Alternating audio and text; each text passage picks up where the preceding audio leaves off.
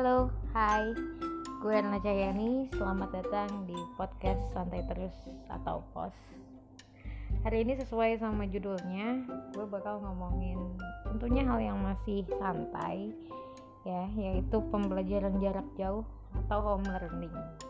Tapi hari ini gue nggak nggak bakal cuap-cuap sendiri, gitu. Ini kan podcast uh, episode pertama, segmen pertama. Gue ditemenin sama sepupu gue. Udah ada di samping. Kira-kira perlu perkenalan gak sih? Perlu lah ya. Oke. Nih, udah ada suaranya. Halo, halo. Nama aku Raisa Lia. Aku umurnya 8, ta- 8 tahun. Aku sekolah SD kelas 3. Jadi hari ini hmm, Baku tuh em, ngajakin ya, Mm-mm. ngajakin podcast bareng. Mm-mm. Jadinya ya udah lah ya. ya udah oke Jadi terpaksa nggak enggak sih. Enggak Aku malah seneng gitu. Mm-mm. Ada yang nemenin. oke Jadi hari ini kita akan bahas home learning. oke yaitu adalah pembelajaran jarak jauh ya karena jadi masih ada pandemi ya PSBB gitu. mm-mm. Oke. Kayaknya nggak perlu dijelasin lagi eh, COVID-19 seperti apa, pandemi kayak gimana, karena udah pasti udah udah banyak dibahas lah ya. Nah sekarang kenapa gue ngajak ngobrol Ica, yang mana em, anak 8 tahun, sebenarnya sepupu gue tuh ada tiga yang di rumah. Yang satu udah lulus SMK, mau kuliah, terus yang kedua em, lulus SMP ma- mau SMA dan sekarang udah SMA kelas 1 tapi ketika gue ajakin eh ikutin podcast yuk dia nggak mau gitu kalau mau. Nah ini yang udah naik kelas 3 3 SD tapi. Nah dia kan juga nggak ngalamin PJJ nih selama 4 bulan. Ya kan Cak? Iya. belajar di rumah kan? Iya. beneran belajar gak Heeh. kok ragu jawabnya Besok hari Senin deh. Em, aku tuh belajar tuh Senin sampai Jumat. Em, Sabtu minggunya bisa lah ya untuk olahraga gitu. oh gitu bisa. ya itu itu nanti bakal kita bahas Iya. Nah, jadi eh, alasan terbesar juga kenapa gue ngajak Ica karena pendapatnya mungkin bisa anes, bisa jujur gitu ya. Jujur nggak Ica? Iya. Jujur. Oke. Nah, pertama-tama nih, Ica, kamu kan selama kurang lebih empat bulan ya, empat bulan menjalani home learning. Dari sisi pelajar, gimana pendapat kamu? Em, menurut aku sih lebih enakan di dijelasin langsung di sekolah daripada di handphone gitu. Home learning. Iya. Terus? jadi lebih lebih enak kalau di sini kan nggak nggak ada teman-teman gitu ya hmm, nggak rame-rame ngerjainnya gitu jadinya aku lebih suka dijelasin langsung di sekolah gitu. Nah, kan kalau misalnya PJJ ini aku jelasin dulu sistemnya ya. Itu kan tadi juga termasuk eh, apa namanya? eh, pendapat kamu. Oke, kamu lebih suka belajar langsung. Nah, PJJ ini kan sistemnya di rumah. Kemudian eh, kamu juga belajarnya bisa sambil duduk santai, bisa sambil makan cemilan. Masa iya kamu lebih seneng belajar di sekolah? ya kan di sini kan aku sendiri belajarnya kalau di sekolah rame-rame dan ya bisa buat gitu ngobrol-ngobrol kalau udah selesai kalau di sini kan aku nggak bisa kalau udah selesai ya udah It's okay. Udah gitu selesai. Iya. Kok kamu nyolot sama aku sih? aku lebih suka belajar dan dijelasin langsung dari Dari papan dulu, oke dari bapak ibu gurunya langsung ya. Ya, itu pendapat Ica. Terus em, berarti kamu lebih suka ya, lebih suka belajar di sekolah. Oke. Nah, em, pendapat gue sendiri sebagai pengajar yang empat bulan masih PJJ eh, yang anak-anak diwajibkan banget harus punya kuota dan gue nya juga harus punya kuota. Jadi semua muanya beneran aksesnya internet gitu ya. Ica juga kan? Iya. Oke. habis ngabisin baterai gitu. Kalau di sekolah kan nggak langsung dijelasin. Dan ya udah kita bisa ngapain? Nah terus sistemnya ini kalau PJJ beda-beda ya. Kalau gue ngajar SMK nah Ica sendiri di SD ini selama tahun ajaran baru. Gue kan lumayan merhatiin juga nih pembelajarannya Ica pagi-pagi mesti absen ya kan Cak pakai seragam. Jadi kita tuh emang ganti-gantian misalkan aku aku em aku udah selesai mandi. Nah Bena minta fotonya aku. Eh enggak Bena ya Bena minta foto sama aku. Nanti aku juga mi- minta foto sama Bena jadinya kan ganti-gantian absen sama-sama absen ya oh ja- gitu. iya pagi-pagi kita tuh mesti absen. Iya. Nah, Ica mesti ngirim foto ke grup kelasnya grup wali kelas Dan gue sendiri sebagai pengajar mesti upload foto timestampnya ke link. Link daftar hadir harian guru gitu. Dan begitupun absen siangnya. Ya kalau misalnya Ica sih enggak. Nah terus kalau misalnya pembelajaran di SD itu eh, yang asiknya nih asik dari versi apa namanya pendidik em, peserta didiknya kamu nonton TV ya Em, iya tapi Pendeta setiap Ferry. minggu itu Hmm? setiap minggu literasinya beda. Literasinya jadi- tuh berbeda. Itu salah Setiap satu minggu. sistem literasi nggak sih? Iya jadinya misalkan nih seka, misalkan besok nonton TV nah besoknya lagi itu membaca dongeng apa gitu. Pokoknya setiap minggu literasinya beda-beda.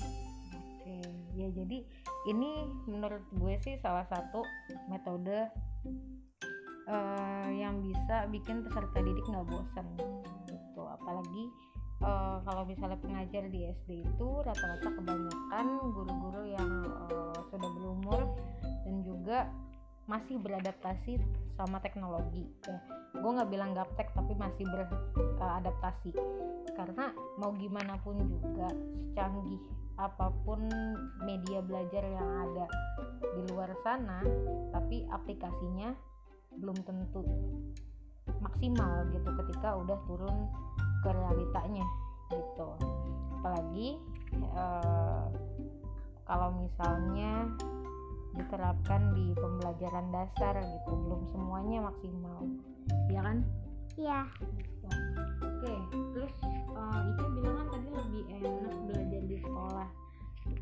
Berarti dari segi ketemu teman-teman lebih ke interaksinya ya, iya lebih enak lebih interaksi sama guru sama temen. iya Emang kalau misalnya PJJ di rumah nggak ngerti materi ini?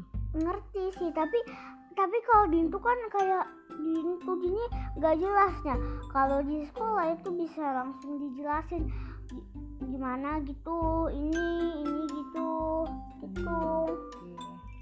Nah, itu juga salah satu yang menurut gue adaptasi yang harus dilakukan baik sama siswa maupun sama orang tua muridnya. Karena pasti pembelajaran yang dikasih sama guru itu eh kadang-kadang ada kendalanya gini.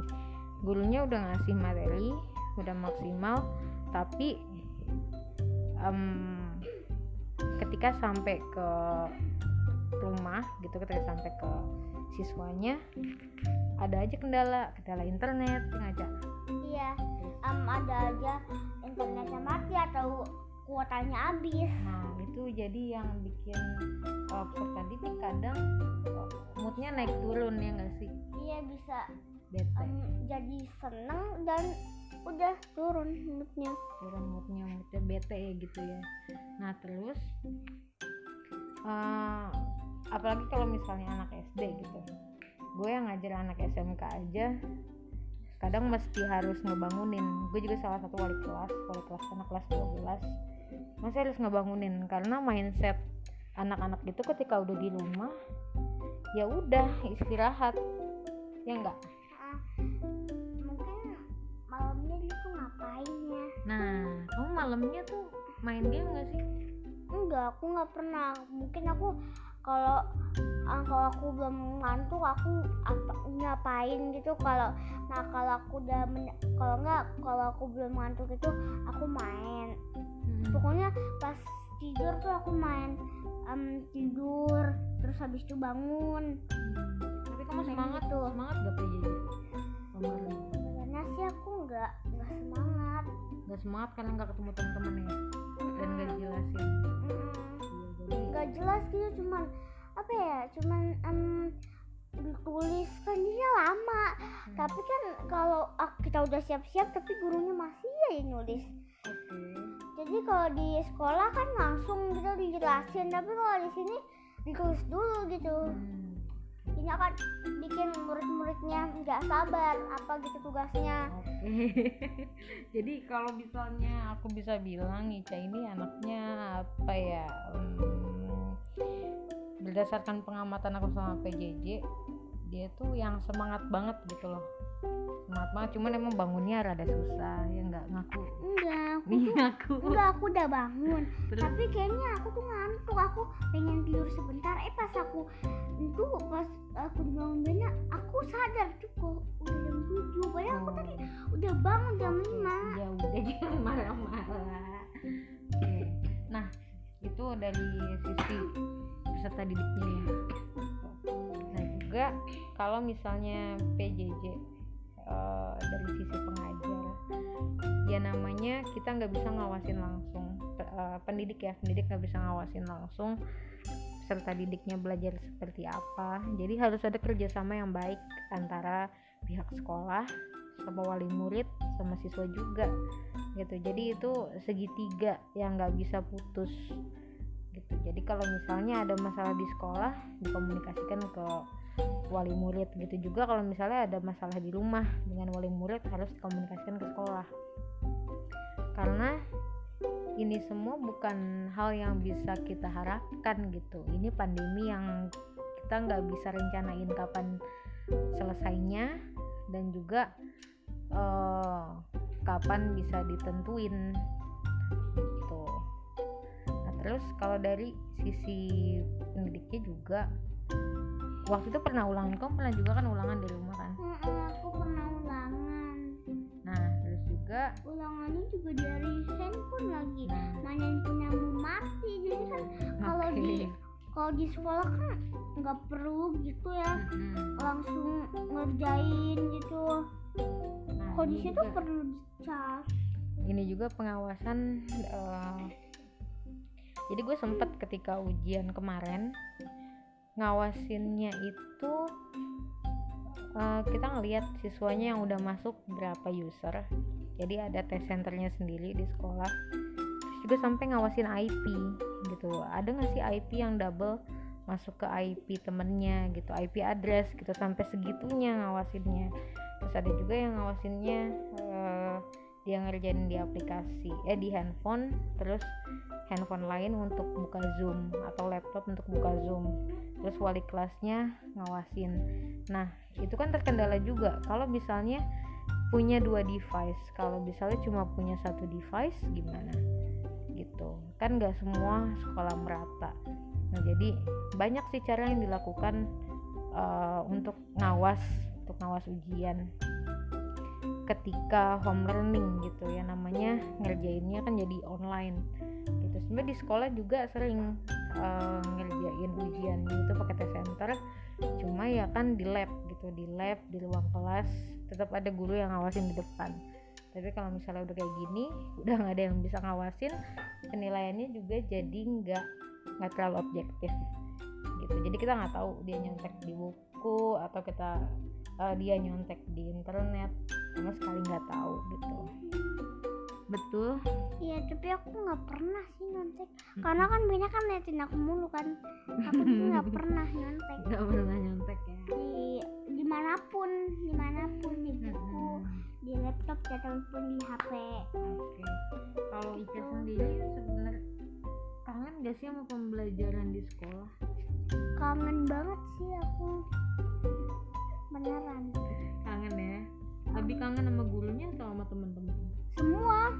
Oh, semua. Iya. Hmm. jadi jadi kita bisa bersama lagi. Oke. Okay. Bisa istirahat bareng belajar bareng gitu loh. Oke. Okay. nah kita juga mengharapkan nih Cak nih. Semuanya mengharapkan di seluruh dunia bahwa virus ini biar cepat kelar. Gitu makanya sekarang Ica kalau batuk tuh kayak gimana sih sekarang?